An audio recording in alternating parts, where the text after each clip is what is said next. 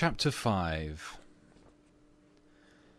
A few days after this, Virginia and her curly haired cavalier went out riding on Brockley Meadows, where she tore her habit so badly in getting through a hedge that on their return home she made up her mind to go up by the back staircase so as not to be seen. As she was running past the Tapestry Chamber, the door of which happened to be open, she fancied she saw someone inside, and thinking it was her mother's maid, who sometimes used to bring her work there, looked in to ask her to mend her habit. To her immense surprise, however, it was the Canterville ghost himself. He was sitting by the window, watching the ruined gold of the yellowing trees fly through the air, and the red leaves dancing madly down the long avenue. His head was leaning on his hand, and his whole attitude was one of extreme depression. Indeed, so forlorn and so much out of repair did he look, that little Virginia, whose first idea had been to run away and lock herself in her room, was filled with pity, and determined to try and comfort him. So light was her footfall, and so deep his melancholy, that he was not aware of her presence till she spoke to him.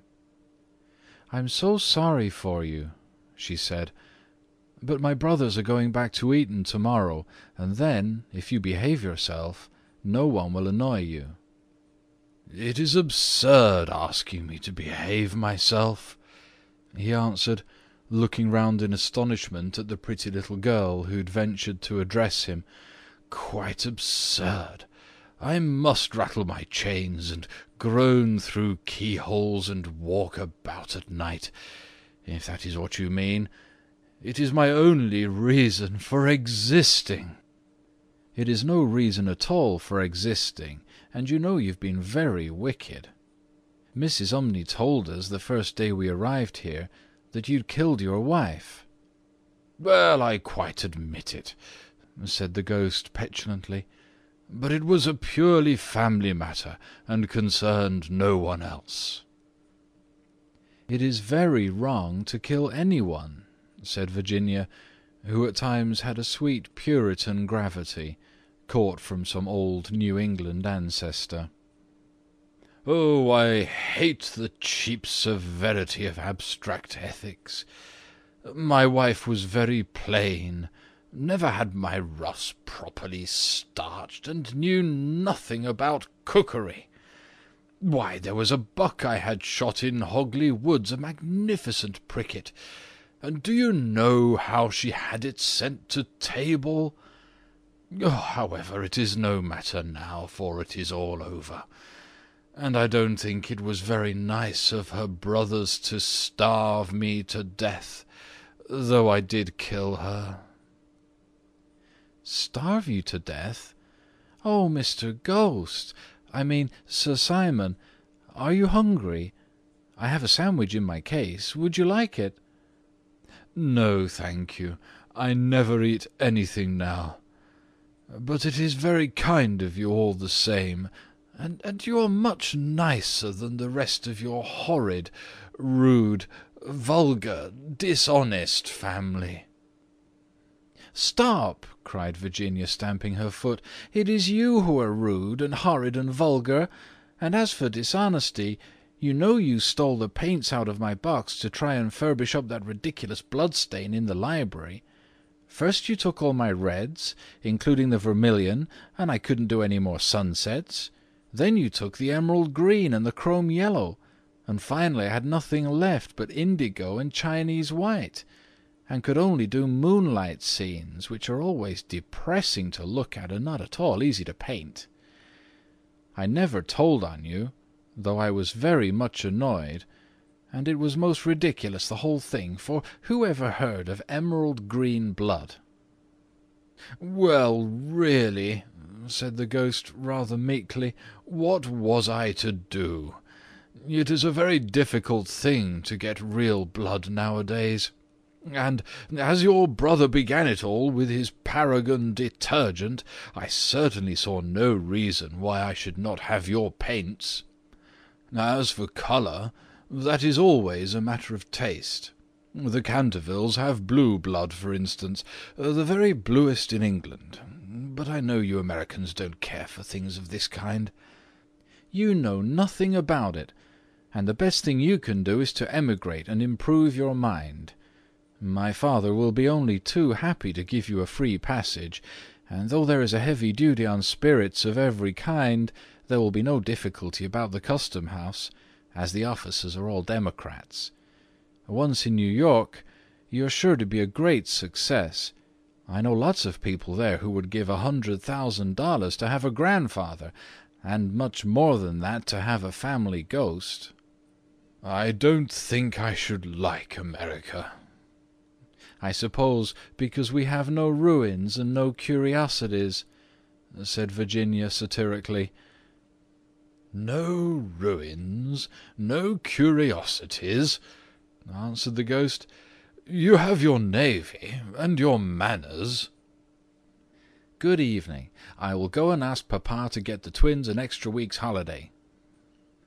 "Please don't go, Miss Virginia," he cried. "I'm so lonely and so unhappy, and I really don't know what to do. I want to go to sleep, and I cannot." "Oh, that's quite absurd. You've merely to go to bed and blow out the candle. It's very difficult sometimes to keep awake, especially at church, but there's no difficulty at all about sleeping. Why, even babies know how to do that, and they're not very clever." "I have not slept for three hundred years," he said sadly, and Virginia's beautiful blue eyes opened in wonder. For three hundred years I have not slept, and I am so tired." Virginia grew quite grave, and her little lips trembled like rose leaves. She came towards him, and kneeling down at his side, looked up into his old withered face. "Poor, poor ghost!" she murmured. "Have you no place where you can sleep?" "Far away beyond the pine woods," he answered, in a low, dreamy voice, "there is a little garden. There the grass grows long and deep. There are the great white stars of the hemlock flower. There the nightingale sings all night long. All night long he sings and the cold crystal moon looks down, and the yew tree spreads out its giant arms over the sleepers." Virginia's eyes grew dim with tears, and she hid her face in her hands. "You mean the Garden of Death?" she whispered. "Yes, death. Death must be so beautiful. To lie in the soft brown earth, with the grasses waving above one's head, and listen to silence. To have no yesterday and no tomorrow. To forget time, to forget life. To be at peace. You can help me. You can open for me the portals of death's house, for love is always with you, and love is stronger than death is." Virginia trembled. A cold shudder ran through her, and for a few moments there was silence. She felt as if she was in a terrible dream. Then the ghost spoke again, and his voice sounded like the sighing of the wind. "Have you ever read the old prophecy on the library window? "Oh, often!" cried the little girl, looking up. "I know it quite well. It's painted in curious black letters, and is difficult to read. There are only six lines: "When a golden girl can win Prayer from out the lips of sin; When the barren almond bears, And a little child gives away its tears, Then shall all the house be still, And peace come to Canterville but I don't know what they mean." "They mean," he said sadly, "that you must weep with me for my sins, because I have no tears, and pray with me for my soul, because I have no faith, and then, if you have always been sweet and good and gentle, the angel of death will have mercy on me.